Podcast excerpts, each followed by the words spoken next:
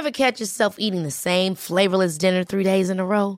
Dreaming of something better? Well, HelloFresh is your guilt-free dream come true, baby. It's me, Gigi Palmer. Let's wake up those taste buds with hot, juicy pecan-crusted chicken or garlic butter shrimp scampi. Mm. Hello Fresh. Stop dreaming of all the delicious possibilities and dig in at HelloFresh.com. Let's get this dinner party started. Hiring for your small business? If you're not looking for professionals on LinkedIn, you're looking in the wrong place. That's like looking for your car keys in a fish tank. LinkedIn helps you hire professionals you can't find anywhere else, even those who aren't actively searching for a new job but might be open to the perfect role. In a given month, over 70% of LinkedIn users don't even visit other leading job sites. So start looking in the right place. With LinkedIn, you can hire professionals like a professional. Post your free job on linkedin.com slash achieve today. Millions of people have lost weight with personalized plans from Noom. Like Evan, who can't stand salads and still lost 50 pounds. Salads generally for most people are the easy button, right? For me, that wasn't an option. I never really was a salad guy. That's just not who I am. But Noom worked for me. Get your personalized plan today at Noom.com. Real Noom user compensated to provide their story. In four weeks, the typical Noom user can expect to lose one to two pounds per week. Individual results may vary.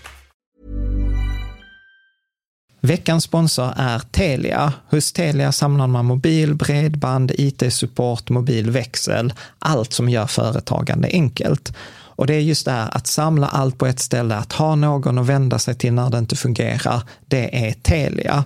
Ett exempel på vad som inte är Telia, det är ju som när jag lyckas boka förmötet för en poddinspelning med Finansinspektionen till efter själva inspelningstillfället. Eller när jag här, här året var liksom, fick för mig att jag skulle börja springa, så jag är liksom ute och springer taggad, träffar en kompis som säger så du Jan, på måndag ska jag springa ett lopp. Och jag känner så här, ja men det låter inspirerande, så jag käkar pasta, jag byter om, tar mig ner till Malmö stadion för att göra en efteranmälan, står där i kön och sen så när jag liksom anmäler mig så tittar de på mig och säger så här, du Jan, vårhuset är bara till för kvinnor. Och eh, det var, det var typisk en situation som inte är Telia.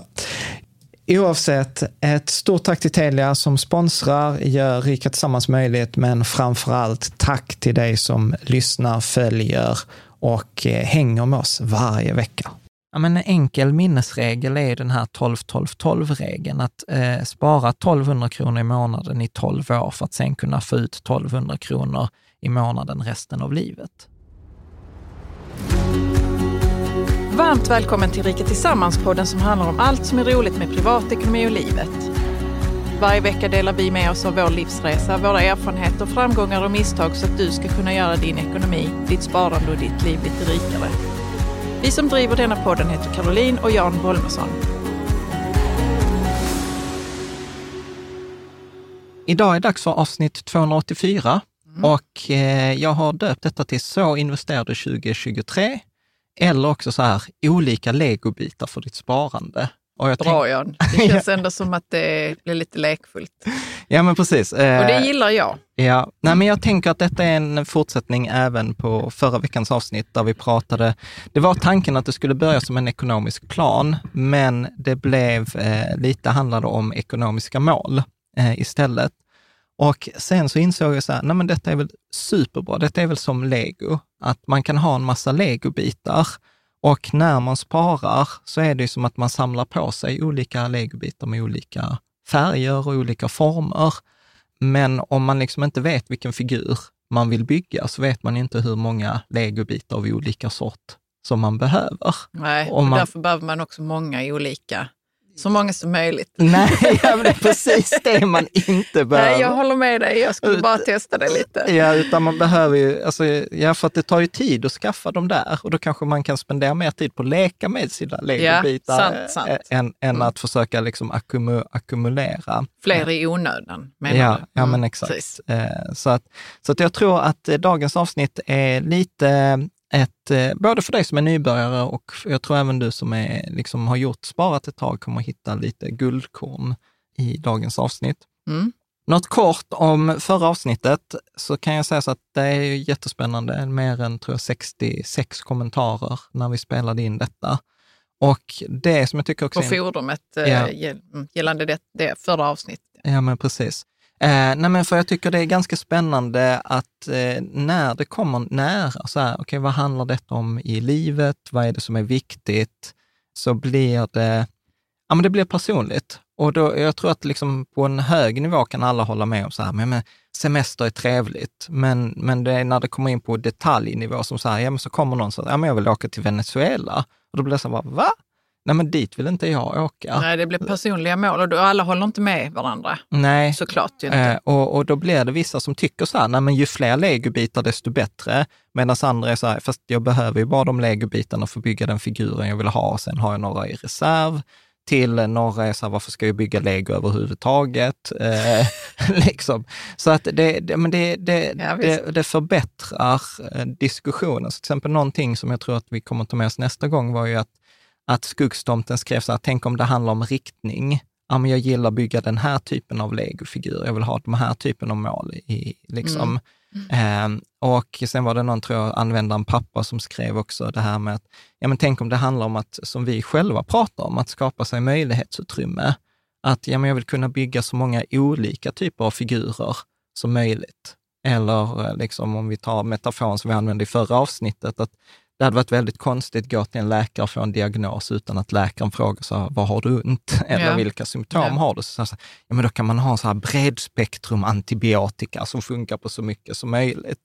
Liksom. Eh, och, eh, och, men sen så kommer ju då också när pappa då börjar skriva om detta med möjlighetsutrymme, då kommer en annan användare, Submariner, och skriver så här, ja fast vad är optionaliteten värd om den inte utnyttjas? Liksom. Så att, eh, jag tror det ska bli roligt också att vi ska bjuda in en läsare som heter Jonathan Stolzenberg. Alltså, vi har sagt det så många gånger och jag längtar efter den dagen. Ja, Och jag hjälper dig gärna liksom med, ja. med det som behövs hända. För, det, Det- för han, är jätte, han är jättekul. Jag, jag har blivit lurad av honom en gång. Alltså, Det var jätteroligt. ja. Ja. Så att vi, vi jobbar på det, eh, så att det kommer. Och sen eh, då Loa också som var, skrev en kommentar så här, men kommer ni svara på frågorna själva från förra avsnittet? Liksom, Mm. Hur skulle ert liv se ut? Ni kan ju coachfrågorna själva. Mm. Och jag tänker så här, ja, det, får bli ett, eh, det får bli ett annat avsnitt, utan, utan jag upplever så att det, är- det är ju sporten för oss 2023. Ja, det är det. eh, att, att lista ut. Och det är en knökig process. Jag vet ju, du var ju ledsen häromdagen. Eh, Ja, det är absolut en knökig process för oss i alla fall. Det behöver inte vara det för andra. Så, Mm. Det kan jag inte säga någonting om. Men jag kände att jag var rädd för förändringen. Ja. Och så behövde jag gråta då. Få Mm. ut den, ventilera de känslorna och sen kändes det bra igen. ja. Men så, så att det är liksom så här, det det om man inte vet, liksom som, om man kommer in i detta avsnitt så här, men jag vet inte vilken legofigur jag vill byta, by, bygga, eller jag vet inte liksom vilka så här, symptom jag har, utan jag vill bara ha så mycket möjligheter som möjligt, så är det fine. Liksom. Mm. Man kan ju samla på sig legobitarna och sen bygga en legofigur. Eh, eh, av detta eh, efterhand. Sen tänker jag också, eftersom vi kommer vara lite konkreta i detta avsnittet, vi kommer prata om konkreta investeringar, vi kommer prata om strategier, så är det viktigt att kunna säga då att eh, investeringar kan både öka och minska i värde och i värsta fall så kan man förlora hela sitt kapital, samt att historisk avkastning inte är en garanti för framtida avkastning och att vi inte ger så här personlig finansiell rådgivning, utan detta är allmän information och vill man ha kontakt med en finansiell personlig rådgivare så har vi en lista i forumet med folk som vi rekommenderar. Och det är allt från Småsparguiden till Rickard Nylund till Henrik Tell. Det finns ett gäng som är faktiskt riktigt duktiga. Mm. Och sen mycket av det, detta som du kommer få höra idag är sammanställning från forumet, från forskning, konsensus, eh, böcker eh, etc. Så att det är, liksom, det är inte vi som har hittat på eh, det här väldigt lite. Och detta avsnittet är inte heller sponsrat, eh, men vi har eh, sponsrade länkar och vi har framför allt själva investerat i alla fonderna som vi nämner, alla fondrobotarna som vi följer, så att vi är inte vi försöker inte ge någon syn att vi är så här typ Konsumentverket, att vi är opartiska. Nej, Eller att vi står Precis. utanför detta, så bara, ni kan göra detta men vi själva gör något annat. utan, nej, utan tvärtom, vi har liksom skin in the game. Och jag hoppas att du tycker att det är bra. För jag Mm. tycker att det är bra. Mm. Vill man läsa mer så riketsammans.se villkor. Bra. Så att jag tänker att innan vi går in på legobitarna, så lite så här minnesregler. För jag tänker att de här legobitarna kommer med vissa uppsättning av regler som man ska liksom tänka kring. Och den första, första regeln är, kommer från Nick Maggiulis bok Just Keep Buying. Och där skriver han, precis som vi håller med om, att i grunden är det väldigt enkelt. Att det handlar om att spendera mindre än man tjänar. Man investerar överskottet i tillgångar som skapar inkomster och sen så gör man detta om och om och om och om igen. Och sedan så då när man, eh, om man då köper bra sådana här legobitar, alltså i bra tillgångar som skapar de här inkomsterna, då behöver man liksom inte oroa sig oavsett vad som händer på marknaden, om det blir hög inflation eller hög ränta eller låg ränta, marknadskrasch, it-krasch eller finanskris, utan man, man sitter still i sin eh, båt. Och, och detta just keep buying har ju liksom varit det bästa rådet oavsett tidsperiod eller tillgångslag. Eh, liksom. Så att tanken var för honom, liksom, han var så här att om jag, om jag bara skulle ge ett enda råd till en person, jag vet inte hur mycket pengar personen har, jag vet inte när personen börjar spara, jag vet inte vilket, vilka legobitar personen tycker om, då är liksom råd, det bästa rådet jag kan ge är så här, just keep buying. Mm. Och jag gillar det. Det är liksom så här som en, vår, vår liksom nioåring förstår ja. eh, det här eh, rådet. Men det här just keep buying, om man aldrig har hört det så handlar det om att man ska köpa sig liksom tillgångar. Ja, men som ja. jag sa, tillgångar som skapar inkomster. Ja. Och de, de här tre typerna av tillgångar, eller legobitar eller huvudingredienser, jag blandar friskt här i dagens ja. avsnitt. Eh, kan vara ett tips också för dig som bara lyssnar på detta i form av podd. Eh, på hemsidan eller i anslutning till avsnittet så finns det ett bildspel. Så att detta kan vara så här bra att bara liksom man, man kan bläddra igenom lite. Man kan bläddra igenom liksom... det. För här kommer vara lite tabeller, lite fondnamn. Jag kommer inte sitta och rabbla upp hela tabellen eh, liksom i, i, i podden, för det, det blir liksom inte så värdefullt. Mm. Men, men om, om man säger så här, där finns, skulle man kunna säga, tre stycken huvudingredienser som man då kan köpa och som då genererar inkomst, eller tre typer av legobitar. Och detta är väl det som man brukar kalla för naturliga tillgångslag. Och det första är att, och detta upptäckte man liksom så för flera tusen år sedan, så detta är inget nytt. Och det är så här att en person, till exempel en köpman, eller köpkvinna som behövde köpa liksom varor från en annan eh, köpman i en annan stad och ville frakta det, hade inte råd att köpa det, för man fick in pengarna först i efterhand. Yeah. När man hade sålt det så behövde den personen ett lån. Liksom. Så det första är liksom lån mot säkerhet. Mm. Det är den första typen av tillgång. Och det är ju det som vi dagligt, dagligt tal kallar för räntor. Sen så kan man säga så här, nej men vet du vad, eh, du kära köpman, du verkar göra så bra affärer på de här tygerna och de här kryddorna, så jag vill inte bara liksom låna ut pengar mot en säkerhet, mot ditt hus, utan jag vill faktiskt vara med på uppsidan. Mm. Liksom så, att, så att om du tjänar liksom tio gånger pengarna så vill jag vara med på eh, det här. Och då säger man så här, men då ger man pengar i utbyte mot risken. Så att för att karavanen kan ju försvinna i öknen eller skeppet kunde sjunka eller liksom sådant som hände förr i tiden. Och det var ju det som då ganska snabbt införde på liksom 1600-1700-talet blev ju då aktier i form av det här med Ostindiska kompaniet, att massa personer gick ihop och så köpte de då en andel i den här båten. Så vi har räntor som är lån mot säkerhet och aktier som är att man delar på risken. Eh, och det är de två huvudtillgångslagen. Sedan så brukar man prata om, men det kommer vi inte prata om idag, för det är lite klurigare och det ingår i de andra två. Och det är det som man kallar för reala tillgångar. Alltså att man äger något som ger naturlig avkastning, till exempel en, en hyresfastighet eller en åkermark eller en eh, skogsfastighet. Alltså något där till exempel så här, skogen växer yeah. och jag kan sälja, jag kan gallra i skogen och sälja veden. Men jag tänker att idag så kommer vi fokusera framför allt på liksom räntorna och aktierna eftersom det är det som folk, det, är det som är enklast att köpa, för det är det man kan köpa från 100 kronor utan att det krävs några liksom större kapitalinsatser. Medan ska man köpa en skogsfastighet så kostar det liksom flera miljoner. Och då kan man ta, eh, tänker jag så här, räntor delar vi upp i två delar. Och det ena blir då bankkonto med insättningsgaranti. Och det är många som inte tänker på det där, men bankkonto är faktiskt också ett lån. Mm. Att, att, eh, jag vet inte, att man, ibland tänker man inte på det, men i bankspråk så kallas ju det för inlåning Ja. eller inlåningsränta. Och det är ju därför vi har en statlig insättningsgaranti för att vi lånar ut pengar till banken, men vi vill, liksom, då vill vi känna att de pengarna är säkra. Så staten garanterar de pengarna och säger att om banken går i konkurs så får du upp till tusen, eh, en miljon 50 tusen eh, kronor tillbaka, att vi garanterar det. Men då kan man ju säga så här, om det vore riskfritt att sätta in pengarna på banken, då borde det inte finnas någon anledning till att det fanns en insättningsgaranti. Så bankkonto är faktiskt en form av ränta. Ja.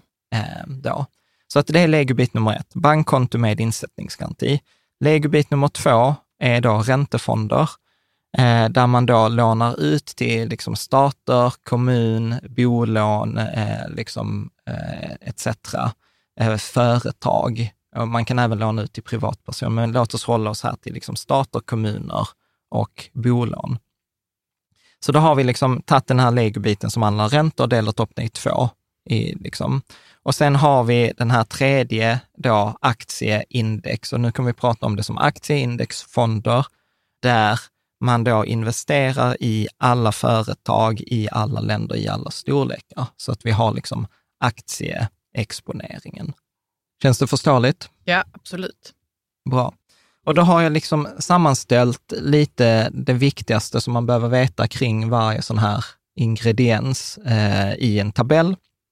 Och om man tar då syftet med de här olika legobitarna så kan man säga så att syftet, egenskapen hos eh, bankkontot, det handlar om att undvika risk. Eh, vissa, man kan till och med argumentera för att det är riskfritt. Jag håller inte riktigt med för att man har till exempel en risk med inflation eller man har en risk mot Precis, andra ja. valutor. Mm. Eh, så att jag skulle säga så här, nej, du kommer inte förlora hundra, på- att du loggar in på din bank helt plötsligt och så är där inga pengar. Men där, är liksom, där finns alltid en risk. Ja. Säger man att något är riskfritt så har man bara inte tänkt tillräckligt mycket. Men framförallt med ett bankkonto så skulle jag säga att huvudsyftet är att man vill ha ett skydd i livet mot oförutsedda händelser. Det är liksom syftet med, Mm. med bankkonto. Räntefonder, då skulle jag säga att det är, där vill man ha skydd mot inflationen. Man vill ha skydd mot till exempel de här valutaförändringarna. Och den andra fördelen är att räntor kan faktiskt ge en känd avkastning. Att om jag lånar ut till exempel, alltså om vi bara tänker på det i form av ett banklån för boendet, så är det ju inget konstigt att gå till banken och säga så här, hej bank, jag vill låna en miljon kronor i tio år med huset som säkerhet. Och då säger banken så här, absolut, din ränta är 4,5 procent. Då vet både du och jag och banken och den som har lånat ut till banken, vad är räntan Ja. på det här lånet eh, under de här tio åren. Så att där går att med eh, räntor skapa en portfölj som kommer ge en känd avkastning Mm. över, över tid. Eh, och där finns till och med sätt att försäkra, försäkra det. Så att ränte, räntefonder, jag brukar säga så här, räntefonder är ganska klurigt, eh, eh, men där finns det ett verktyg. Så jag brukar säga så här, det kommer i spel ofta senare i ens investeringskarriär. Vi kommer att prata om det också. Och sen har man aktieindexfonder då, aktier, tillgångslaget aktier, där syftet är att eh, liksom skapa värdetillväxt. Det är där jag tar risk, det är där jag vill att pengarna ska växa, det är det vi pratar om när, när vi säger om att plantera pengafrön. Ja. Då, ska, då ska pengarna liksom väx, eh, växa. Och, och någonting då för att få liksom känsla för de här legobitarna, då kan man säga att på ett bankkonto, vad kan jag förvänta mig i ett historiskt eh, scenario?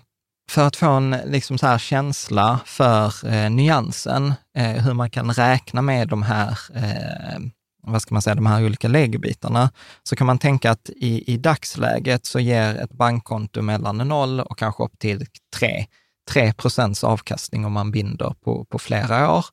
En räntefond i dagsläget då 2023 ger någonstans, skulle jag gissa, mellan 2,5 till 5 kanske till och med 5,5 procents avkastning. Mm. Historiskt skulle jag väl säga 3, 3, 4 procent. Och eh, aktier kan man väl räkna med att historiskt har väl gett någonstans mellan 7 och 8. Eh, kanske till och med nu är den förväntade avkastningen lite högre, på kanske 8-9 procent. Så att, och då vet man ju också, till exempel som vi pratade om planen förra, förra veckan, att okej, okay, men om jag, om jag har så här mycket pengar, jag kan få denna avkastningen, jag har denna tidshorisonten, ja, men då kan jag med ränta på ränta räkna ut hur mycket pengar blir det eller hur mycket pengar behöver jag spara. Att om jag vill ha en miljon om tio år och jag kan få 7 procents ränta, då är det bara att mata in det i en ränta på ränta-räknare så vet du hur mycket du behöver månadsspara. Eller om du vet hur mycket du kan månadsspara, du vet vilken ränta du får, ja men då vet, kan du svara på frågan så här, när, när blir jag miljonär? Eller när ja. kan jag köpa det där fritidshuset? och detta kommer då eh, tillbaka då till, eh, så hur, vad är liksom lämplig sparhorisont för de här olika legobitarna? Och då skulle jag säga att bankkonto är ganska lämpligt i tidshorisonter, alltså sparhorisonter 0 till 3 år. Som vi alltid brukar säga så här, spar du, ska pengarna användas 0 till 3 år, då är bankkonto det bästa du kan ha pengarna på, för där har du ju, liksom, som vi säger, typ ingen risk. Om du har en sparhorisont över tre år, ja men då börjar inflationen komma i spel, då vill man ha eh, minst räntor. Eh, och börjar vi säga så att ja, men de här pengarna ska till exempel inte användas för min pension förrän om tio år eller kanske fem år, så ja, men då kan jag börja investera i, i aktier. Mm. Så att då kan man väl liksom också säga någonstans att vi, vi kommer att göra ett avsnitt senare år där vi, där vi tittar på detta utifrån liksom mer en trappa. Så okej, okay, hur, hur, hur ser en sparkarriär ut? Så att, ja, men först behöver du spara till buffert, sen kanske till boende, sen kanske till bil eh, etc. Men då kan man väl säga att bankkonto funkar ganska bra för buffert, för bosparande till en bostad inom tre år. Det är den här typ sov gott om natten, sparandet. Det var några i forumet som kallade det för periodiseringssparande. Mm. Alltså där jag sparar så här, jag sparar i fem månader för att sen så åker vi på semester. Eller jag sparar på detta för att vi ska åka på skidresa, eller jag sparar detta för att vi ska gifta oss, eller ja. den typen. Medan då räntefonder funkar ganska bra på det lite mer kanske så här 3 till 9 års sparande, till exempel så att eh, pensionssparande efter 55 år är räntefonder passar.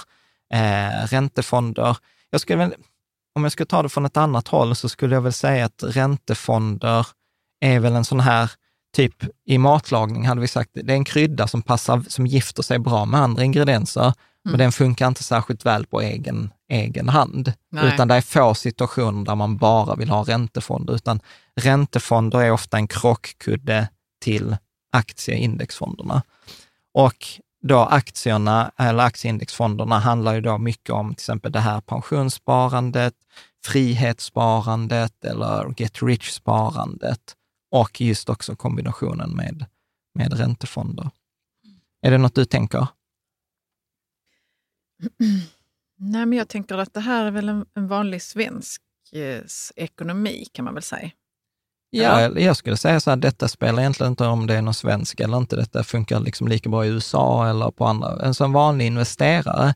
Och grejen är, man behöver inte ens förminska till vanlig investerare. Så här gör ju till exempel norska oljefonden eller liksom så här saudiska olje, liksom så här statliga investen, investmentfonden. Så att detta är väl liksom, vad ska jag säga, skalat av mycket ja. av det där mm. som låter fancy till att titta på basen. Ja, men som att säga att aktier är ett sätt att dela risk, eller räntor är ett sätt att låna ut pengar. Och hur, hur kan man liksom tänka på detta i sin renaste, i sin renaste form? Ja, Jag men tänker... det får inte säga det om att det är så gör norska oljefonden, för att då blir det som att i sin renaste form så är det, alltså det, det är ett bra sätt. Liksom, ja, och, sen, ja, och sen, sen, så kan man liksom säga att där finns ju folk som har liksom jobbat med bara räntefonder i 40 år. Mm. Så det finns ju supermycket nyanser. Och just om vi tar räntefonder, man kan, när, ofta när man börjar spara så tycker man så här, aktier är ganska klurigt och räntefonder är ganska enkelt. Det är bara att ha en räntefond. När man har hållit på ett tag så inser man att aktier är ganska enkelt i form av räntor, för där finns räntor som är så pass säkra att det typ inte går att förlora pengar för de garanteras av staten, eller att där är liksom räntor med insättningsgaranti. Men sen så har du räntefonder som har högre risk än aktier, alltså Ja. som kan gå ner 40-50 procent på ett år. Och sen har du liksom olika löptider på, på räntor, det som kallas för duration. Så att det går att göra räntor superkomplexa. Eh, och, och där är många, många fler variabler i räntor än vad där är i, i aktier. Så att nu när vi pratar om det så vill jag prata om det liksom som den stora legobiten Ja. och vi kommer ge konkreta, liksom så här, okej, så vad är det för en fond man kan välja? Vi kommer inte prata om enskilda obligationer, precis som vi inte pratar om enskilda aktier när vi pratar om tillgångslaget aktier, utan med aktier så är det fortfarande en fondrobot eller en, en bred global indexfond Mm. eh, som, som gäller. Vi har lite mer så här fakta i tabellen, men det kan man, om man är intresserad så kan man dra ner, eh, dra ner bildspelet. Och om vi då fortsätter då med minnesregeln från, eh, från Nick Mangiulis bok, så gillar jag jättemycket, för nu har vi pratat eh, en hel del om de här olika legobitarna. Och, och, och då kan det ju bli liksom så här, åh, åh, nu, tycker jag, nu har jag liksom hittat en ny lek och nu kan jag hålla på och pussla här med mina legobitar. Men även om vi har pratat om det så är, tror jag att det är viktigt att hålla perspektivet rätt, att kunna ta ett steg bakåt och ställa sig två stycken ganska jobbiga frågor. Den första är så här, okej, så vad är beloppet som jag bekvämt kommer kunna spara under då, till exempel 2023 eller de kommande 12 månaderna? Och då kallar vi det, okej, vad är mitt förväntade sparbelopp? Ja. Så hur mycket tror jag att jag kommer att spara? Och är det så att jag sparar 1000 kronor i månaden så är det 12 000 kronor. Och sen så kommer nästa fråga då, så vad är den förväntade avkastningen på mitt kapital vid till exempel 7% ränta de kommande 12 månaderna? Så om jag använder liksom legobiten aktier eh, på mitt kapital, vad är den förväntade avkastningen? Så om jag har 100 000 så hade det varit 7 000 kronor. Och då, och då säger han så här, okej, men om det förväntade sparbeloppet är större än den förväntade avkastningen, så det vill säga att jag kan spara 1000 kronor i månaden, så det vill säga att jag kommer spara 12 000 kronor under de kommande 12 månaderna, men den förväntade avkastningen är, för jag har bara 100 000 investerat, och då ska man säga så här, 100 000 är ju mer än vad de flesta har på, på Avanza i median. Liksom då bör man liksom fokusera på att spara. Alltså man bör fokusera på att öka sina intäkter så att man kan liksom lägga in mer bränsle i sitt sparande, snarare än att lägga tid på att optimera legobitarna, för det kommer inte ge så stor skillnad. På samma sätt säger han då, om ditt förväntade sparbelopp är mycket mindre än din förväntade avkastning, säg att du har en miljon investerat, ja men då kommer 7 procent ge dig 70 000 då spelar de där 12 000 kronorna lite mindre roll i förhållande till de 70. Ja, men då är det värt att lägga mer tid på kombinationen på att bygga din legofigur. Eh, liksom. Och är de två ungefär i samma, i samma härad, ja men då fördela din tid på både och. Eh, på att öka liksom, mer bränslet i maskinen och göra maskinen bättre. Men jag menar, det är liksom ingen, det är inte värt, och jag har sett detta ibland, så att man lägger massa fokus på att bygga en Ferrari-motor, men, eh, men sen så har man liksom inte bränsle för att köra Ferrarin på, på banan.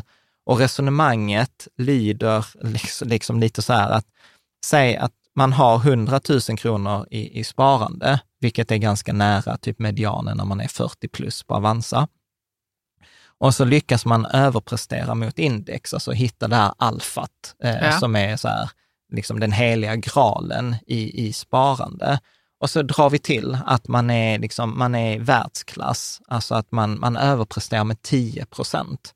Alltså så här, överpresterar man med typ 3 procent mot index så kan du få jobb på vilket fondbolag som helst. Så 10 procent är liksom outrageous, det är galet.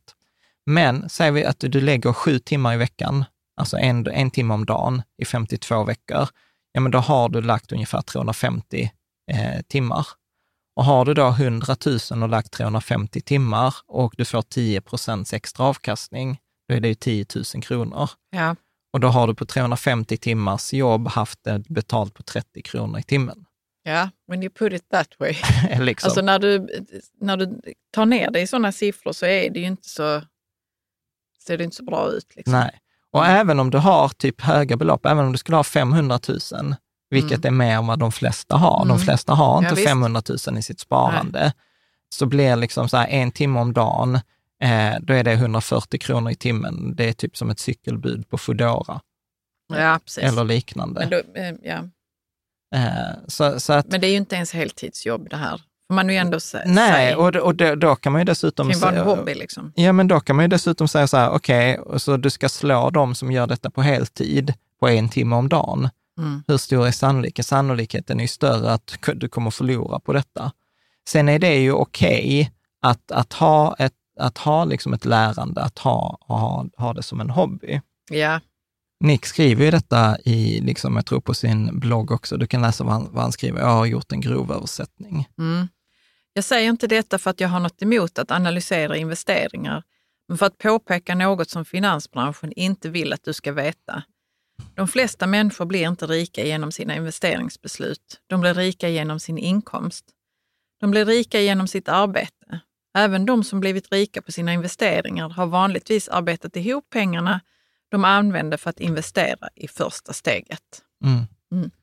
Så att, och detta går i linje med det som vi också pratar om i avsnitt 277 här med investeringstrappan. Att liksom så här, lägg fokus på rätt sak. Jag säger så här att jag håller helt med många i forumet som protesterade, som sa så här, jo men det finns ett värde i att ha, att ha till exempel sparande som sin hobby. Och jag håller med, absolut, det är okej att en hobby får kosta. Eh, och det kanske liksom, och jag tycker alltid det är bra att man ökar sin finansiella kompetens. Men jag tycker också att man ska gå in klarögd i det och säga så här, nej men det som förmodligen kommer göra mest skillnad för dig och ditt, ditt sparande är förmodligen att lägga mer tid på just det här att, liksom att öka, öka inkomsterna, att löneförhandla, byta jobb, liksom hyra ut grejer, hyra ut ett rum eller när du inte är hemma, hyra ut på Airbnb eller ha någon hobbyverksamhet, alltså det som du redan tycker är kul, hur kan du tjäna pengar på det? Kanske starta eget vid sidan av, eh, liksom, eller liksom göra någonting eh, liksom annat. Och på samma sätt så handlar det inte bara om att öka inkomsterna, utan även titta på så här, kan man sänka kostnaderna? Att hur kan jag liksom energieffektivisera om du bor i hus? Eller hur kan jag sänka bolånekostnaderna? Eller hur kan, hur kan vi vara mer medvetna i den konsumtionen som, som vi gör? För att där blir det ju lite som det har varit från tid till annan, liksom så här, eh, på Twitter, så här, sparad krona. För att liksom varje krona blir ju liksom extra bränsle till Ja. den här motorn. Och ju, liksom, du kan ha världsbäst motor, men har du inte tillräckligt med bränsle, ja då spelar det inte så stor, eh, så stor roll, eh, tänker jag. Och anledning till detta kommer, nu kommer liksom nästa sån här minnesregel som jag tycker, som vi har haft mycket diskussion om på, forumet, som vi kallar för så här 12-12-12-regeln. Och jag tror detta är första gången vi pratar om den i podden. Det den, och den låter så här, spara 12 kronor i månaden i 12 år för att kunna få ut 12 kronor i månaden resten av livet. Mm. Det, Ja. det låter ju ändå bra fast det inte är mycket pengar. ja, kan man inte säga så? Spara spara, tusen kronor i månaden spara 1200 kronor, eh, spara 12, till tusen år. tusen, va? Du bara förstör min 12 nej, 12 nej, jag, 12 regel så här. skulle, jag ville bara Spara- mer för att få ut mer Ja, per precis, månad för det- resten av livet. Ja, precis. Ja. För grejen är att det funkar ju oavsett belopp. Så att det funkar så här, spara 1200 kronor i månaden i 12 år för att kunna, kunna få ut 1200 kronor resten av livet. Spara 12 000 kronor i månaden i 12 år för att kunna få ut 12 000 kronor i månaden resten av livet. Så att beloppet här spelar inte så stor roll. Nej, Det är det som är, vi satte 12 för att det var enkelt att komma ihåg. ja, men det är det ju. Liksom, Absolut, eh, det här liksom. kommer jag komma ihåg. Och det, detta, är, detta är ju lite en, en förenkling som vi har pratat om tidigare avsnitt, så här, men att pe, pengar är ju som frön man kan plantera. Eh, och det tar lite tid innan eh, ett sånt här eh, träd liksom växer sig starkt och kan börja ge de här pengarna. Här tar det, i, liksom när vi kör detta i ränta på ränta-simulatorn, så visar det sig att det tar ungefär 10 till 12 eh, år.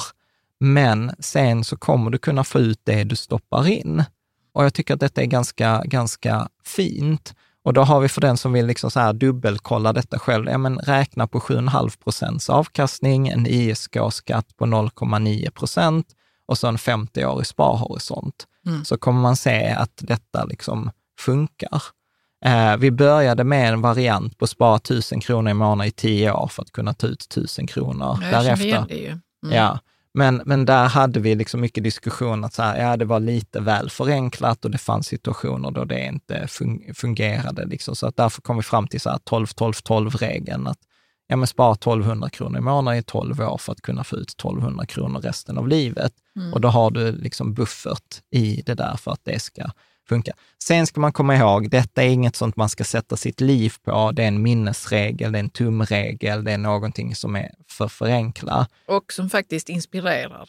Alla Ja. sådana här små tumregler och som förenklingar gör att, att man Ja. kan inspireras Ja. faktiskt till Och sen, och sen vill man göra detta ordentligt, ja då finns det ju liksom resonemang kring så här safe withdrawal rate och sannolikheter etc. Men, men liksom som en så här, okej, så vad, vad får jag ut av mitt sparande? Är det värt att spara den där tusenlappen idag? Ja, För då kan man precis. känna så här, okej, men kolla här, jag kan köpa den här prylen för tusen kronor idag, eller så kan jag spara den här i 12 år och sen kommer jag kunna köpa en sån här pryl i månaden, liksom resten av livet. Och, och det tycker jag är, är ganska, ganska coolt Ja. eh, faktiskt. Mm.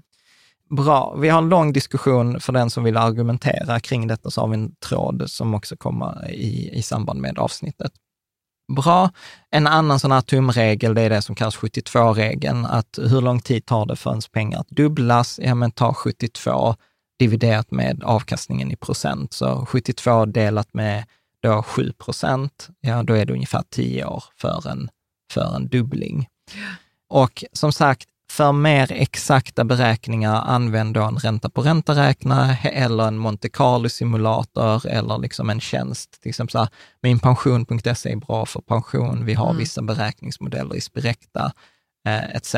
Så att detta är så här, kom ihåg-regel. Bra. Så att då tänker jag, nu har vi pratat lite om minnesregler, eh, varför man ska spara i de här olika legobitarna och okej, okay, så låt oss nu liksom titta så här, så hur köper jag en sån här eh, legobit, tänker jag. Och eh, då är det också viktigt så här, att veta vad är det för antaganden som man, som man har gjort. Och, och vi gör framförallt tre stycken antaganden. Och det första är att vi optimerar på balans. Eh, och vad jag menar med att optimera på balans, det är att jag säger inte att någon parameter är viktigare än någon annan. Så att det är inte optimering på lägst avgift, eller på högst avkastning, eller på mest hållbarhet, eller en viss geografi, eller bransch, eller media, utan jag säger så här, jag har använt eh, det tidigare, att jag säger det är lite som Super Mario, de här Super Mario Bros-spelen. Eh, Jack of all trades, master of none. Liksom. Mm. Duktig, man ska vara duktig på allt. Att man ska inte ha någon uppenbar eh, svaghet och inte någon uppenbar styrka. Och det bygger lite på att jag utgår från att de flesta som lyssnar eller så här, att man vill ha ett bra sparande, men man vill liksom inte nödvändigtvis lägga massor tid på det eller Eh, utan man vill liksom säga, jag vill kunna leva mitt liv, jag vill ha ett bra sparande, jag vill veta att jag inte blir lurad, jag vill veta att jag gjort, gjort bra och att det kommer gå bra för mig. That's it. Liksom. Så att det är det ena, optimering på balans, så att vi, vi, det är ingen nischparameter. Det andra är att eh, jag gillar ju uttrycket där strategisk mediokritet att tricket är inte att det är att vinna ett 100 meters lopp, utan att här är det att vinna över tid. Ja. Att, eh, så som vi har pratat om med indexfonder innan, så en indexfond kommer ju aldrig vara bäst. Det ligger liksom per, per definition så är indexfonden genomsnittet. Men om du är genomsnittlig tillräckligt många gånger så kommer du till slut liksom komma upp till toppen. För att de som vinner ett enskilt år tar ofta en så stor risk att det, det vadet eller det, det bettet förlorar man på, då hamnar man kanske sist. Och då dras genomsnittsplaceringen ner. Men genom att du hela tiden är genomsnittlig så kommer du liksom över tid att hamna i topp, kanske liksom topp 30 procent eller kanske till och med vissa topp 10 procent. Så att strategisk mediokritet. Och sen det tredje, tredje antagandet som jag också vet att mång, förvånansvärt många inte håller med om, är att jag säger så här att konsensus i forskningen stämmer. Varför håller folk inte med om det då? Vad är det de har emot det? Nej, men alltså ofta, ofta så vill man inte tro att, ett, att vara genomsnittlig är bättre än att vara aktiv och engagerad. Att man tror att jag kommer få ett bättre resultat genom att om jag lägger en timme om dagen så måste jag ju få ett bättre resultat än om jag lägger 15 minuter per år. Så är det ju i alla andra områden, liksom i livet, att om jag tränar så är det ju inte att den som tränar 15 minuter per år kommer ha mer välmående kropp än den som tränar en timme om dagen. Nej, absolut. Men, men så är det i sparande och det är ointuitivt. Mm. Så att vi har liksom en övertro på den egna förmågan för att det är ett så komplext ämne att vi, liksom min, min träning påverkas ju inte av andras träning. Nej. Så att liksom, eh, liksom min hälsa är inte beroende på om du går till gymmet eller inte. Eh, Medan i sparande så är det ju så. Att om, eh, eftersom det är liksom ett nollsummespel till stor, stor Alla är med del, i samma spel. ja, Mm. så påverkas jag av vad andra gör.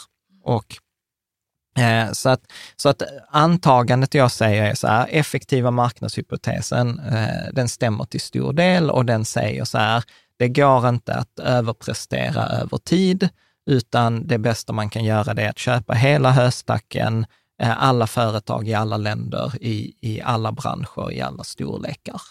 Liksom.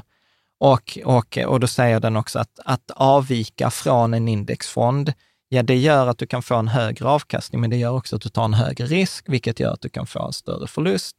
Och jag upplever ändå så att vi ser ju detta varje år när vi gör vår uppföljning, att till exempel den genomsnittliga avansianen brukar få ett sämre resultat än index. Mm. Men Eh, finns till- det något undantag, något endast undantag som du känner till? Eh, eller nej? På vad? Mm, På det här att eh, eh, forskningen stämmer. Alltså att man ska sträva mot strategisk medio- mediokritet. Alltså, där finns ju då, alltså så här, vissa som hävdar men där finns fak- olika faktorer eh, etc. Men när man pratar med forskare så säger de också så här, ja, fast det är oklart. Mm. Att det är så här, det kan ju lika gärna bero på för att alla upptäckt de här faktorerna som har flyttat pengar dit och så har det överpresterat. På grund av det då? Ja, Mm. så, så att det, det, det, det, det är klurigt. Det, det är klurigt. Mm. Så att finns där, liksom, tittar man på de som har tjänat mycket pengar, till exempel på vissa hedgefonder etc., så är det många gånger att då har de ju liksom utnyttjat någon ineffektivitet på marknaden. Ja, Eh, precis. Och det är liksom- väl det som Ja, man i så men, men, fall men då skulle- är det ofta så här, till exempel så här, men du kommer inte åt den fonden som privatplacerare, utan du kommer åt den som institutionell investerare och du får liksom fördelar för att du känner folk. Mm. Eh, alltså den typen. Och jag tror att det är svårt att bygga en långsiktig strategi på det. Och, vi har ju sett också att många av de här hedgefonderna eh, efter ett tag underpresterar mot index. Och vi har ju en tråd på forumet som heter så här, missade du XXX-tåget, ingen fara, nu är din indexfond bättre. Mm. Och där har vi alla de här, ny teknik, venture eh, eh, capital, vi hade de här ARK, eh, vi har, jag tror snart Tesla är tillbaka där, alltså etc. tydligen. Eh, etc. Så att jag, jag tror inte på att försöka jaga the next big thing. Liksom, jag tror att det kostar mer än det smakar. Kan man ha tur ett enskilt år? Absolut. Kan man ha tur i två år, tre år? Absolut.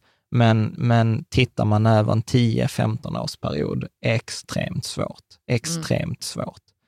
Och eh, då kommer vi liksom tillbaka till, okej, så, så vad, vad säger forskningen? Ja, men som jag var inne på, spara i hela höstacken istället för att leta efter nålarna. Spara i alla bolag, i alla länder, alla storlekar. Gör detta så billigt som möjligt, så långsiktigt, regelbundet, automatiskt som möjligt och låt pengarna jobba i fred. Och, och det bygger ju liksom så här, även om man kanske inte tror på forskningen, så kan man ju titta på, finns eh, något som heter SPIVA, då kan man googla SPIVA och SOP 500 till exempel.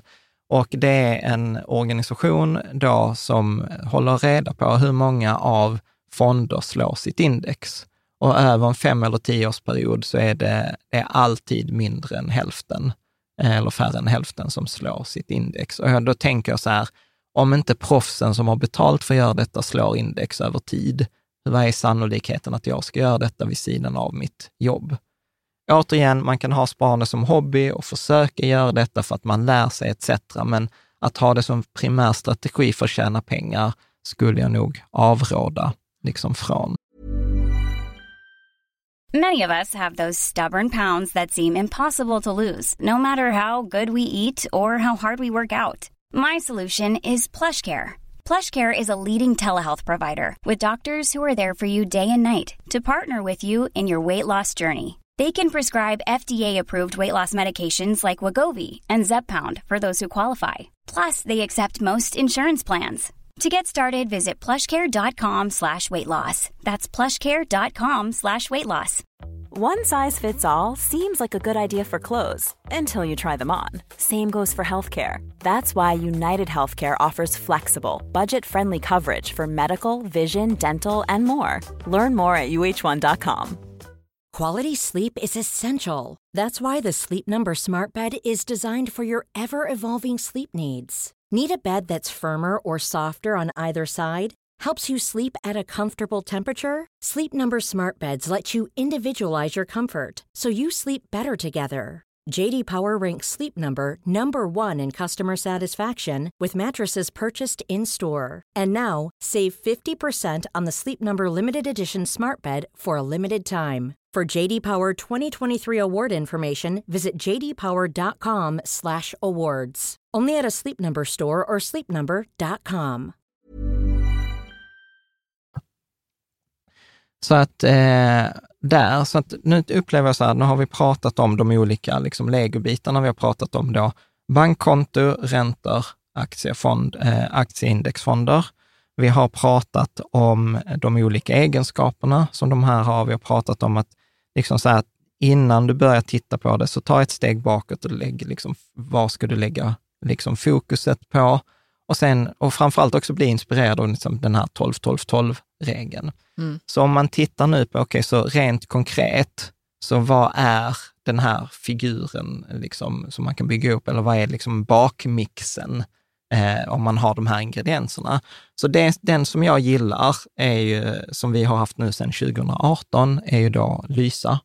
Så, och Lysa är ju då en fondrobot och en fondrobot är en tjänst som hjälper en just att fördela sina pengar på bankkonto, räntefonder aktieindexfonder. Och den hjälper en att fördela då till exempel aktieindexdelen på alla företag i hela världen.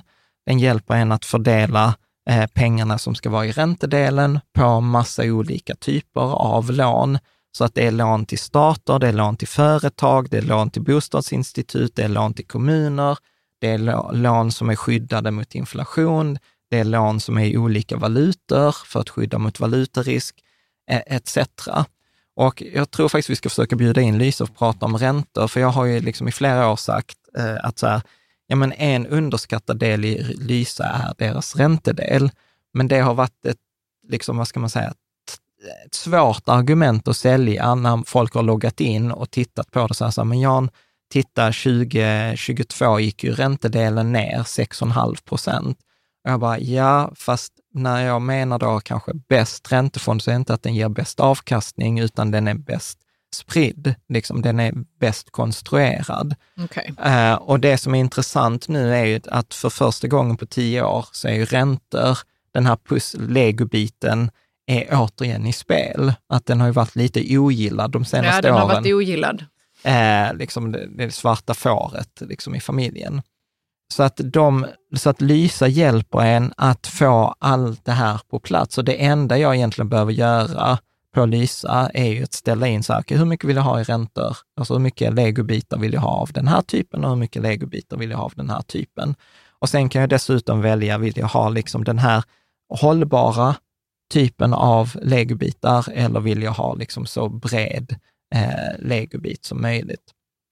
Och nackdelen, om vi skulle ta nackdelarna med Lysa, så skulle jag säga så här, det är, det är ganska tråkigt, för att detta är färdigt på 15 minuter. Mm. Så att Vilket ens, också kan vara skönt. vilket är jätteskönt, absolut. Eh, men som jag skulle säga det som många faktiskt, eller inte många, men som vi har haft mycket diskussion i forumet kring, är ju att Lysa ökar inte din finansiella kompetens. Och, och jag är så här, ja det är okej för du kan lyssna på oss, så ökar du din finansiella kompetens i andra områden. Men där finns en poäng i det, att, att om man inte förstår liksom storheten i Lysa, så är det lätt att säga så här, men vänta, jag fick ju det där tipset av den där Rikes Sammanspodden, men nu lyssnar jag på en annan podd eller en annan person som sa att jag skulle köpa detta. Och då kan man liksom, liksom tycka Man att kan de, likställa de man kan likställa de Mm. två om man inte förstår nyanserna i, i vad det är som till exempel Lysa gör, gör fantastiskt, eh, fantastiskt bra. Och sen de... Men du säger att man inte ökar sin finansiella intelligens, men hur ska man göra det då så att man förstår de här nyanserna och vad man, att, vad man egentligen får när man sätter Men in sina pengar på Lysa så att man vet att det här är bra grejer? Men då, men då skulle jag säga så här, alltså, för att prata egen sak, jag skulle säga så här, häng med oss, eh, liksom lyssna på vår podd, läs böcker, Mm. eh, liksom häng på forumet, Mm. så, så att man liksom börjar och, och, och lyssna på folk som har varit med länge. Men jag tänker också att man behöver kanske själv också ha sin lärohink eller lekhink. Absolut. När man själv investerar pengar i sånt som man bryr sig om kanske eller tycker är spännande eller så. Lite grann. Ja. För då blir det liksom det som, då blir det allvar. Ja. Och så börjar man ta in det man lär sig. Ja. man kommer att lära sig, man kommer att bli Ja. av med pengar, man kommer att lära sig Ja, saker. men någonting som jag har sagt i alla år är så här, även om du är ett proffs, lägg lite pengar i, i Lysa. Även om du inte gillar Lysa, tycker Lysa är skit, att det är för amatörer och du vet, ni vet inte vad ni håller på med och du vet, det är någon eh, data. Så, så här, lägg, lägg det där och benchmarka. Mm. Och säg så här, hur går det för dig? För jag påstår nog att de som hade pengar på Lysa under 2022 versus en egen portfölj, så gick det nog bättre på Lysa för majoriteten. Återigen, inte för alla, för man kan ha tur ett enskilt år, eh, etc. Men över, över en tioårsperiod, mät. Mm. Och, och, och tittar, vi, tittar vi på, återigen, som jag brukar ju mäta sedan 2008, så har ju Avanza varit generösa nog och släppt så här, hur har det gått för den genomsnittliga avansianen? Och, och jag tror att det är tre år av tolv som den genomsnittliga avansianen har överpresterat mot index. Liksom. Ja. Sen också återigen, bara för att övertydlighetens skull, liksom vi, Lysa är vårt största enskilda innehav. Vi har en sponsrad länk till Lysa och vi har en sponsrad länk till variationerna också. Eh, så att återigen, vi är inte på något sätt eh, liksom så här opartiska här, men genuint, jag, jag, jag tar en diskussion gärna vilken dag som helst med någon kring att visa mig något alternativ som är bättre eh, än Lysa de variationerna till, eller alternativen till Lysa som brukar komma upp i, i forumet, som jag tycker är, som är bra, som vi faktiskt har, vi har pengar i nästan allihop. Det är fondroboten Opti, som, är, som har samma idé som Lysa. Jag tror inte de har bankkonto, eh, men de har räntor och eh, aktier, absolut. Avanza Auto 6, innan så har jag inte gillat dem för de hade hög avgift, men de Ja. sänkte sin avgift. Och, eh, och sen är Nordnet har lanserat något som heter Nordnet One. Men det ska vara helt ärligt, det har vi inte testat, så det har jag inte satt in pengar. Men jag vet att där är några på forumet som var så här, men detta är helt okej. Eh, Ja. liksom. Men de här Avanza och Nordnet, när de lanserar nya grejer, då Mm. hänger de ändå med ett bra tag väl? Jag gillar inte det när det lanseras något. Och så Mm. min känsla är så, nu kommer det vara med i tre år och sen måste jag liksom sätta pengarna någon annanstans. Är du med på vad jag menar? Ja, men det, men det är också, sen skulle jag väl också säga så här att det är väl så här, Lysa, om vi tar Lysa eller Opti, de gör en enda sak. Ja. De gör, de gör fondrobot. Där, där är ingen intressekonflikt för dem att så här, oh, var med i den här IPOn nu, för nu får vi betalt av det här företaget för att resa pengar eh, nej, till nej, dem. Visst. Eller här, sälj, använd vår hävstång. Eller här, använd vår bolån. Eller här, bli vår private banking-kund. Eller köp de här fonderna, för här får vi hälften av fondavgiften. Så att det jag gillar är ju att med Lysa och Opti, det, de gör fondrobot. That's it. Eh, och, då får, och jag går hellre till någon liksom, som bara gör en grej än som ska göra många olika saker. Hellre gå till en, gå till en slaktare som bara gör kött än en som bara, men vet vad, jag, jag gör kött och sen har jag lite betong och en kennel. eh, Liksom. Det, det blir inte seriöst. Var det, Nej, nej. nej. var det du bara skrattade? Jag frågade om de hänger med, de här uh, nylanseringarna. Hur länge hänger de med? Liksom? Ja, men det vet man inte. För Nord- jag vill inte behöva hålla på och mecka sen, nu ska vi stänga den här fonden eller vad det kan vara. Eh, Du måste flytta dina pengar. Alltså du vet, jag hatar sånt, jag blir så trött. Liksom. Och det Ja. har inte ens hänt mig särskilt ofta. Nej. Utan jag hatar tanken på det. Ja. Nej, men jag, jag vet inte, det beror ofta, ofta är det speciallösningar som Ja. blir det där, att det funkar Mm. tills det inte funkar. Nordnet hade ju något sånt här som de kallar för smartportföljer som Ja. exploderade spektakulärt, jag vet inte, för något år sedan. Etc. Jag vet Mm. Bet- Better Wealth kämpade också ett tag med eh, den typen av eh, lösning. Mm. Så, att, så att nej, men jag tror, jag tror, jag, jag tror på, eh, på Lysa och Opti. Jag tror de är inne på det långa loppet. Lysa har ju precis tagit in mycket finansiering, starka ägare, Opti, eh, jag också, tror jag, eh, går rykten om att det var en storbank som köpte in sig i, i Opti. Så att, eh, nej, jag tror vi ska bjuda in Jonas här under våren Ja, det också. får vi göra. Mm. Så att, så att jag gillar det. Gillar man inte vår lösning med fondrobot eller de här op- eh, Lysa, Opti, Avanza Auto eller Nordnet One, eller om man har en tjänstepension där det inte går att använda en fondrobot, så blir variation nummer ett. Här att bankkonto, ja men då kan man ju ta ett bankkonto med insättningsgaranti. Och kan man inte ta bankkonto med insättningsgaranti, ja men då kan man ta en fond som typ AMF Kort, AMF Räntefond Kort. Eh, och detta är särskilt viktigt som JFB i forumet påpekar, att ibland så är man kanske så här 60 och man ska ta ut sin pension och då vill man inte att allt ligger i aktier. Nej. Men då kan man inte sätta det på ett bankkonto för att det är fortfarande inom tjänstepensionsskalet.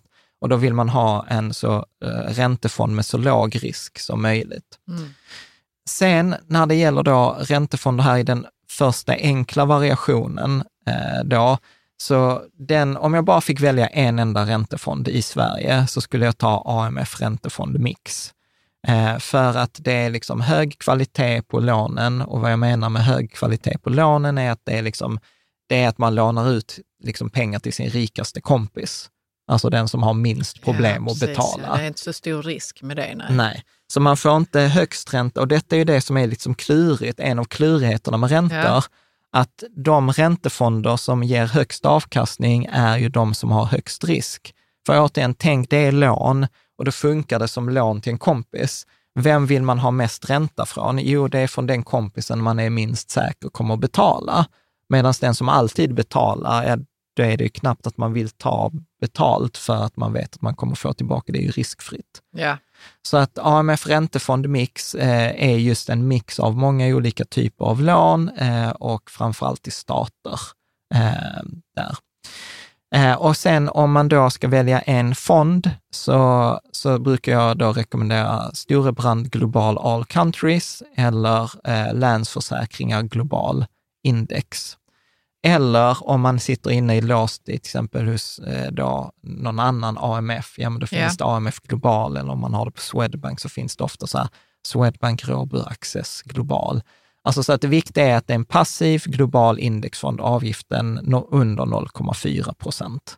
Ofta ligger avgiften på 0,2 procent. Just detta med 0,4, jag brukar säga att det är en sån magisk gräns. De flesta fonder bör ligga under 0,4 procent. Så att, så att detta är en ganska enkel variation. Om man inte vill ha en fondrobot så är detta exempel på så här, vad heter de här legoklossarna i verkligheten. Där är det något mer jag tänkte jag skulle säga om det här.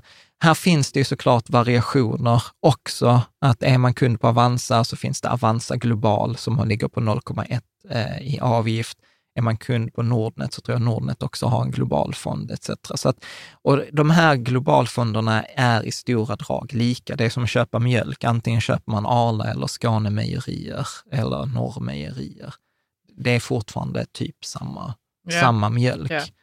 Eh, Så detta är bra i typ tjänstepensionslösning. Har man PPM så brukar jag rekommendera A- eh, AP7 Sofa. Eh, Det är ju eh, då AP7 aktiefond som är en sån här global index. Jag tror den är billigast i Sverige. Jag tror den kostar 0,09 procent eh, så det är superbra. Så återigen, bankkonto, räntefond och aktieindexfond. Variation nummer två, så att här kommer samma, det är fortfarande samma legobitar, utan nu är det så att vi gör dem lite mer nyanserade då. Och det går återigen, det är inte som att det, det blir bättre och bättre. Det blir bara mer och mer komplext, men för att visa nyanserna.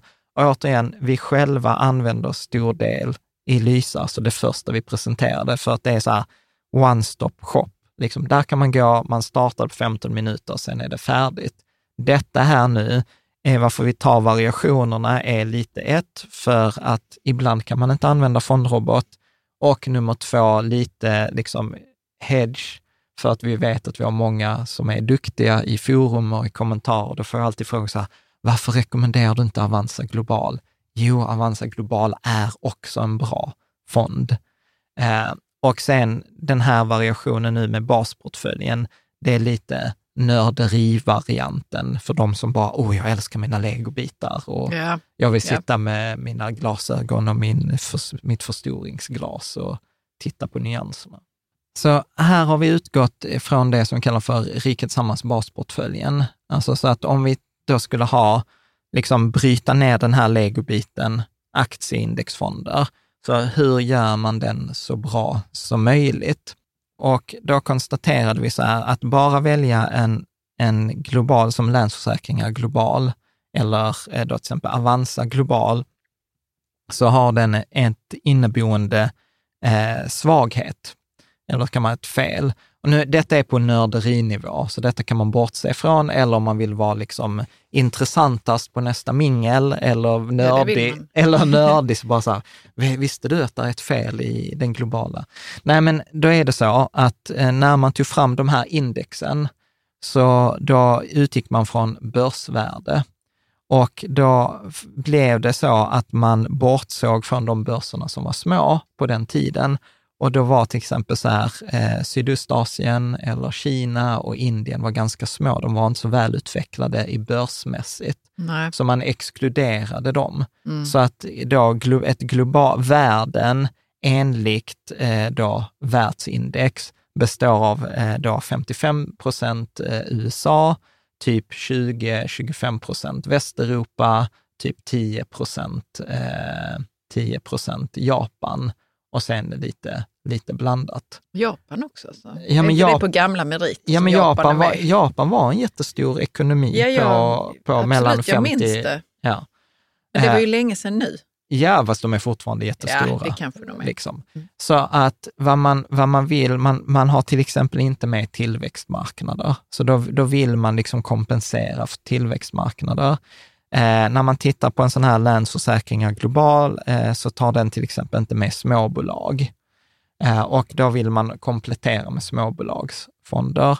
Och på samma sätt så kan man argumentera för att man, vi bor i Sverige, vi vill ha en viss överexponering, vi vill ha mer, stödja Sverige, vi vill investera mer i Sverige, så går den svenska ekonomin bra, så vill jag att det ska märkas i mitt sparande. Mm också en debatt om huruvida det är sant, eh, att det är bra eller dåligt. Men vi har valt, i alla fall i forumet, har vi kommit överens om att 10 procent är lagom. För att då ska man komma ihåg att det svenska börsvärdet är typ 1 procent. Så ska man följa forskningen strikt så skulle det vara en krona på varje investerad hundralapp ska vara i Sverige, 99 kronor ska vara investerade utomlands.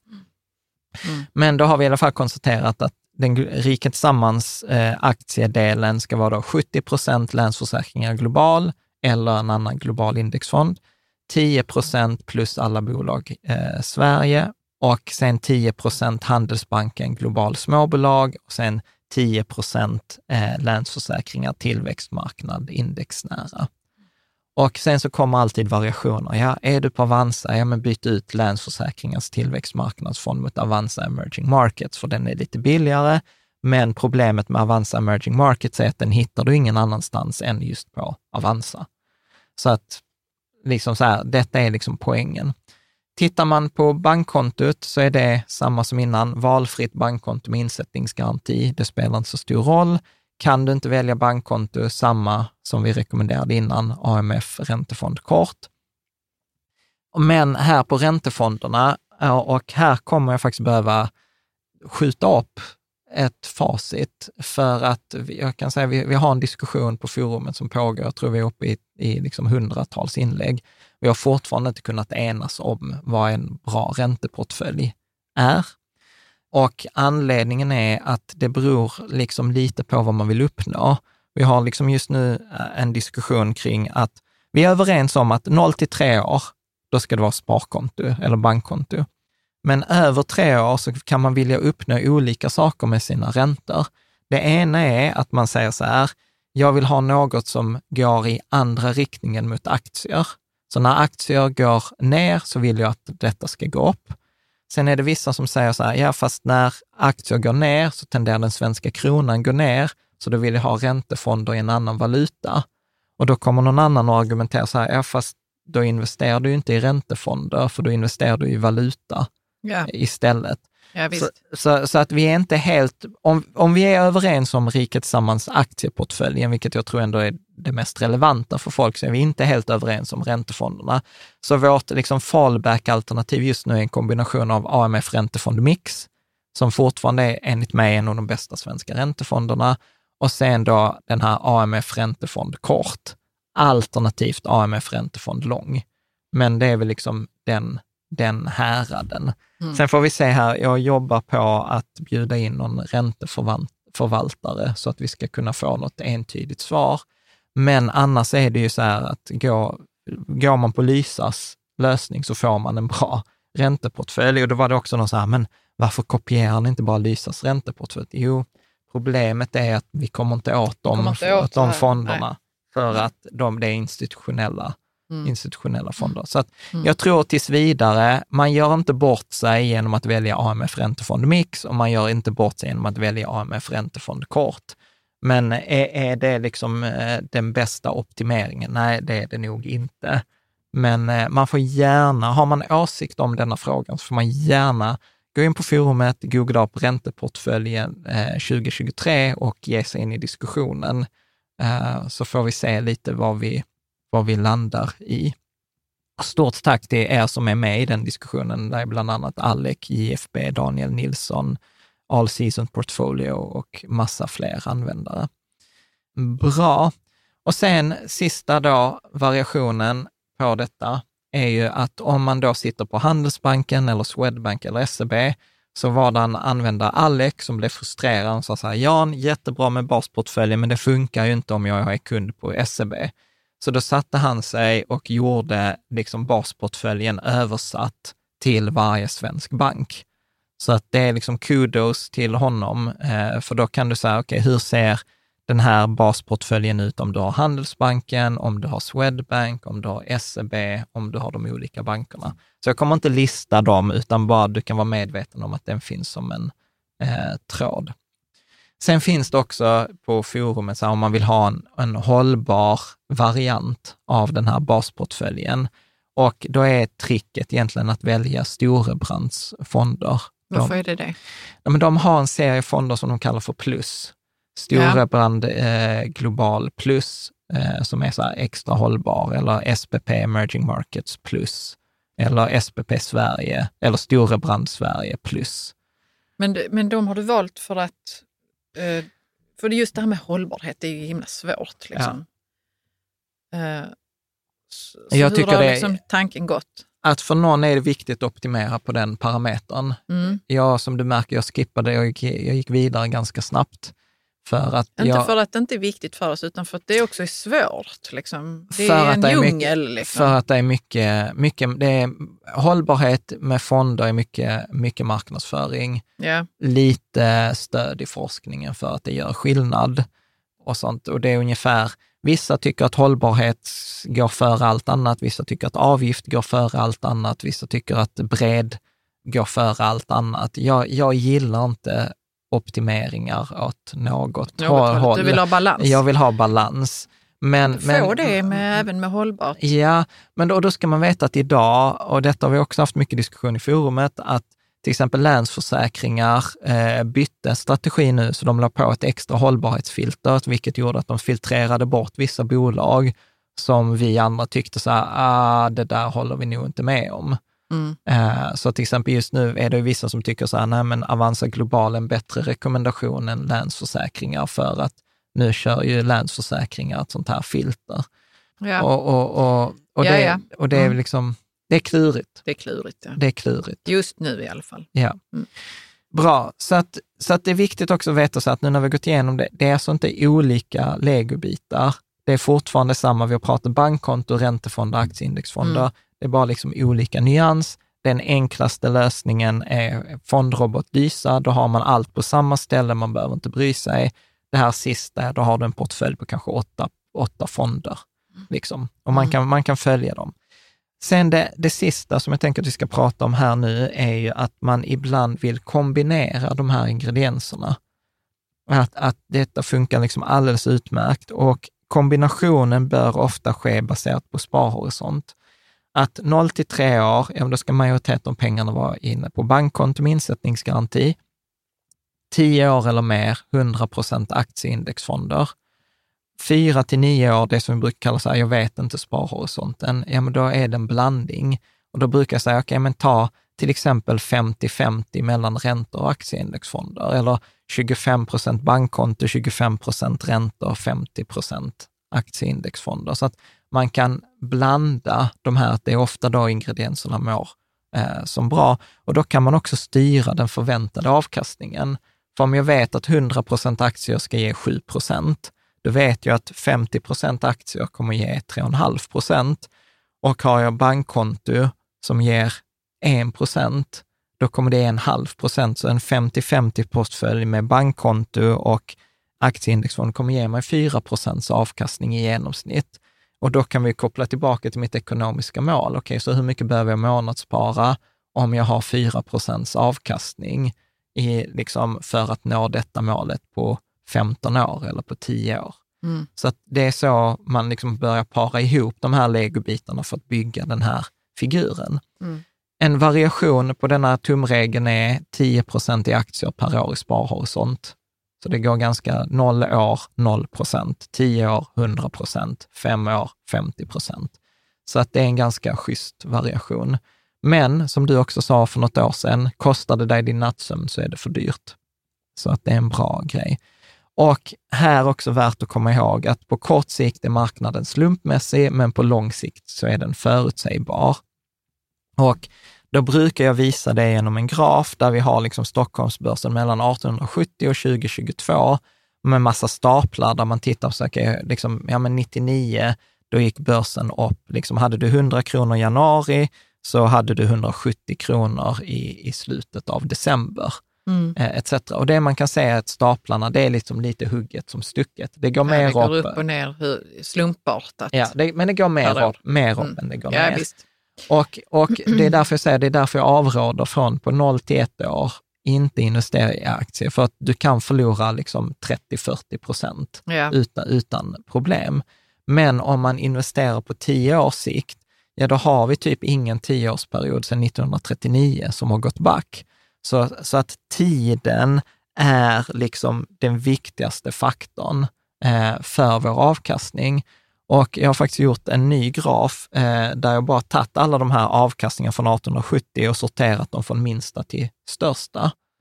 Och, och då ser vi att det av de här 153 åren så är ungefär en fjärdedel är negativ avkastning.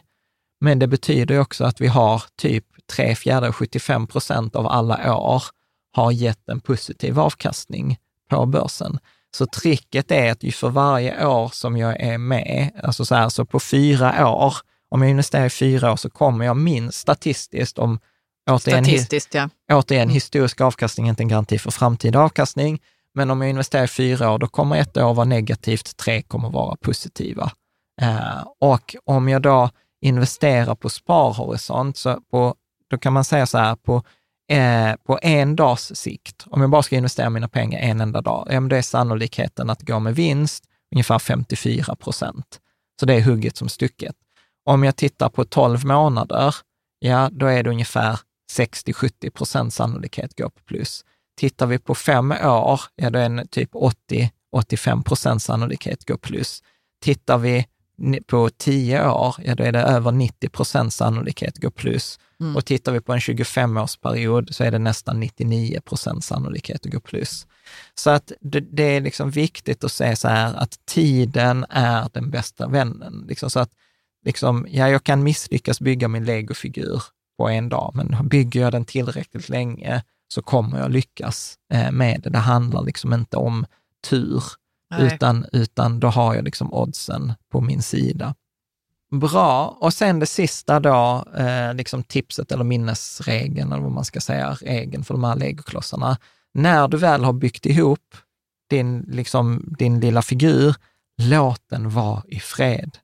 Liksom så här, sätt den på hyllan, titta inte på den, logga inte in, gå inte dit och klappa på den. Man ska inte leka med den. Nej, man ska inte leka med det, utan var passiv, lat, oengagerad, oinloggad. Alltså så här, jag pratade med min mamma, eh, vår dotter har spelat Lundaspelen och vi hade med farmor, eh, så vi satt och pratade innan matchen. Eh, och då köpte jag ju liksom eh, en enskild aktie till henne förra året eh, och det har ju inte gått jättebra. Och eh, hon är så här, jag är inne loggar in varje dag. Ja, jag vet hon gör det. Jag frågar alltid henne så, varför gör du det? Ja, don't, don't Men do det that. är lite så, eh, Ja, det är andra skäl hon Det- säger det för, tror jag. Ja, jag vet Mm. inte. Men i alla fall, don't do it. Var passiv. Alltså så här, den som är lat, passiv, oengagerad, ointresserad, oinloggad, det är den som kommer att vinna. Liksom så här, lå- bygg ihop din figur, låt den vara i fred. Eh, försök inte tajma marknaden. Det är okej att det är en tråkig eh, portfölj. Liksom, vill, vill du vara aktiv, vill du ha roligt, så är det som du var inne på innan, avgränsa det till en lek eller en spekulations eller till en lärohink. Så att har du 100 000, ja men sätt 10 000 till din lekhink. Har du 10 000 kronor, ja sätt 1000 kronor till din lekhink, eh, eller som du, alltså, där syftet är någonting annat. Och, och där är det också viktigt, vi kommer göra ett avsnitt kring lekhinken senare i vår, men var, var på det klara med vad är syftet? Är syftet här att ha roligt eller att uppleva liksom känslomässiga resan eller är det att lära mig Mm. eller är det att testa? Liksom så här, var, var, Mm. var på det klara med syftet och det är helt okej att ha det, men var tydlig, var ärlig mot dig själv. Liksom. Det är ingen annan som kommer påverkas. Och sen liksom lite så här, lyssna inte på experter som uttalar sig om hur börsen kommer gå. Eh, Det är superpoppis i början av januari och varje Ja, år. där. Detta är aktierna du borde... Ja, Aktierna är, för 2023 har Ja, jag redan sett. ja, eller experterna uttalar sig, men där är, vi har så många trådar i forumet som är också, det var någon som hade grävt fram en analys för fem år sedan och så var det så här, detta är stjärnaktien du ska äga de kommande fem åren och sen utvärderade vi de fem åren och det var, det var inga, inget Men blir fantastiskt. du aldrig sugen så på att se så, vilka aktier tycker de nu då? Jo, När men du jag, ser de där eh, Jo, jo. Jag brukar, tidnings... Vad heter det? jo, jag fick ju typ utskällning på ICA, för jag tog, tog fram, de hade ju så på Aftonbladet, så här, detta är aktierna Ja. du ska äga. Mm. Och så pallade jag inte köpa Aftonbladet, så jag bara futtade de två sidorna. Då tyckte de att jag kunde köpa tidningen. Vem tyckte det var det? ja, någon- de på ICA Ja. tyckte att jag kunde istället för köpa, köpa den. Men då var jag så här, jag investerar hellre 57 kronor nu i 12 år för att kunna få ut 57 kronor eh, liksom, eh, sen varje år. Eh, bra, eh, så att, och, och här finns det mycket liksom, forskning också som är så här att singla hellre slant än att lyssna på en, eh, på en experts eh, utlåtande. För att experter har i genomsnitt 48 procent rätt enligt flera studier. Eh, eller minst två i alla fall, där man har tittat på det. Så att du har större sannolikhet att singla, singla slant. Bra, och sen vill jag återigen liksom bara 2022 var ett ganska kast år. Vi kommer göra en uppföljning på hur det gick 2022. Men jag tror att 2022 var på vissa sätt ett unikt år, att det var första gången vi hade liksom nedgång i både räntor och aktier på den nivån, alltså med dubbelsiffriga nedgångar. Och att investera, det innebär att vi kommer förlora pengar från tid till annan. Det är, innebär att vi kommer ångra oss, att vi investerade för tidigt, för, eh, för, för sent, för lite, för mycket, i fel grej, i fel valuta. Alltså, Mm, så här, det ingår i det, det spelet, ingår, ja. det som jag brukar säga till dig ibland, så här, går man på Liseberg så betalar man liksom pengar i inträde. Eh, Vill man tjäna pengar på, på legobitarna på aktier så behöver man betala inträde. Och inträdet är att du betalar med din emotion, med din känsla och du betalar med risken att det från tid till annan går ner. Mm. Och det är inget nytt. Eh, den sista grafen som vi har här, det är så här, amerikanska börsen mellan 1950 och 2013. Och där är varenda kris som har varit de senaste då 60 åren. Och vad vi ser att trots att vi har haft liksom Vietnamkrig och Koreakrig och Kubakris och finanskris och Rysslands kollaps och, och liksom så här, så går börsen upp. Ja. För att börsen är aktier som vi kom tillbaka till från början. Vad är aktier? Aktier är ett sätt att dela risk. Dela risk på vad? Jo, för att någon vill göra någonting de förmodligen kommer tjäna pengar på. Och tar man tillräckligt många bett på tillräckligt många människor som vill göra något bra och tjäna pengar på, då fångar man liksom den mänskliga drivkraften, man fångar den mänskliga tillväxten. Eh, och så länge vi människor har det här drivet, så länge vi har eh, den här önskan om att göra det bättre för våra barn än för oss själva, eller ha en bättre morgondag än vad vi har idag, så Mm. kommer det gå bra. Eh, liksom, det, det, det, det, det tror jag på.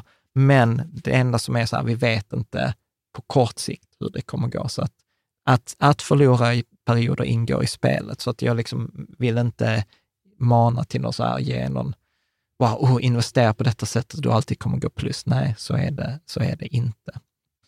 Snyggt. Jag tänkte bara att vi rundar av eh, här, eh, gör en kort reklampitch som vi har gjort nu de senaste avsnitten. Vi Mm. kommer i slutet av januari, början av februari dra igång Riket Tillsammans-programmet, där vi kommer prata med och göra detta mer konkret tillsammans. Titta på så här, okay, vad är det för legofigur jag vill bygga? Vilka är legobitarna i mitt liv? Hur många legobitar behöver jag? Vilken typ behöver jag dem av? Eh, vad är det som är viktigt? Vilka figurer är det som jag saknar i min uppställning? Ja, man behöver ju inte veta allt detta innan. Man, Nej, det, alltså poängen är alltså, att man ska poängen ta är fram att man ska veta det när man då går det här 12 månaders programmet. Ja, man kommer att lista ut, vi kommer göra Ja. övningar, så att det handlar om att skapa en livsplan eh, då helt enkelt. Lyssnar man på detta, inte i januari eller februari, utan man lyssnar på detta mitt i sommaren, så kolla, länken kommer då förmodligen gå till en intresselista, så ser vi om det blir något program 20, eh, 24. Ja. Men då kan man göra en in, intresseanmälan. Det beror som sagt på hur många som är intresserade och, och om de som gick det 2023 tyckte det var, eh, det var bra. Men eh, där finns liksom mer info, eh, men som sagt, det kommer inte vara liksom fokus på bättre investeringar för att legobitarna pratar vi om i detta avsnittet, utan det kommer vara så här, hur anpassar jag detta till mitt liv? Mm. Eh, helt enkelt. Priset är som ett gymkort, 540, från 540, 549 kronor i månaden. Eh, och man kan gå med sin partner. Om man bor med sin partner och har ett ekonomiskt hushåll så betalar man inget extra, så det går två för en. Eh, och mycket mer villkor, allt finns på hemsidan. Så Ja. det kan man kolla där. Men när är sista egentligen anmälningsdag kan man säga? Ja, det är tills innan vi kör igång. Så Jo, att jag skulle jo, säga, men- men jag har, vi har inte bestämt det, men Nej. jag tänker slutet av januari, början av februari. Och Okej. sen får man liksom se, eh, ja, vi ser Mm. helt Mm. enkelt. Grymt. Jag tänker att vi håller där. Eh, stort lycka till med ditt sparande. Hoppas att du tyckte att detta avsnittet var värdefullt. Eh, har du frågor som dyker upp till följd av detta, kommentera gärna i forumet. Eh, där kommer garanterat bli eh, kommentarer så här, ja, du kan välja denna fonden istället, eller det kan Mm. vara, här är en variation jag inte har tänkt på. Följ gärna diskussionen om räntefonder för att det är så här to be continued. Och så tänker jag att vi ses nästa vecka som vanligt. Tack så mycket. Hej.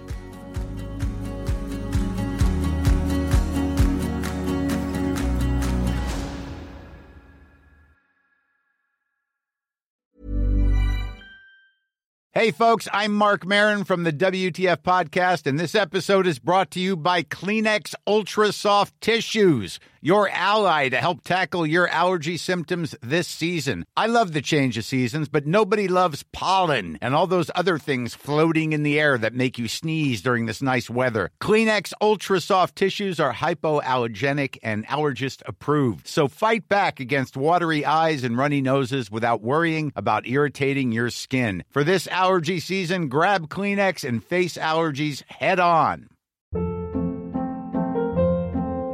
Hold up. What was that? Boring. No flavor. That was as bad as those leftovers you ate all week. Kiki Palmer here, and it's time to say hello to something fresh and guilt-free. Hello Fresh. Jazz up dinner with pecan-crusted chicken or garlic butter shrimp scampi. Now that's music to my mouth. Hello Fresh. Let's get this dinner party started. Discover all the delicious possibilities at hellofresh.com.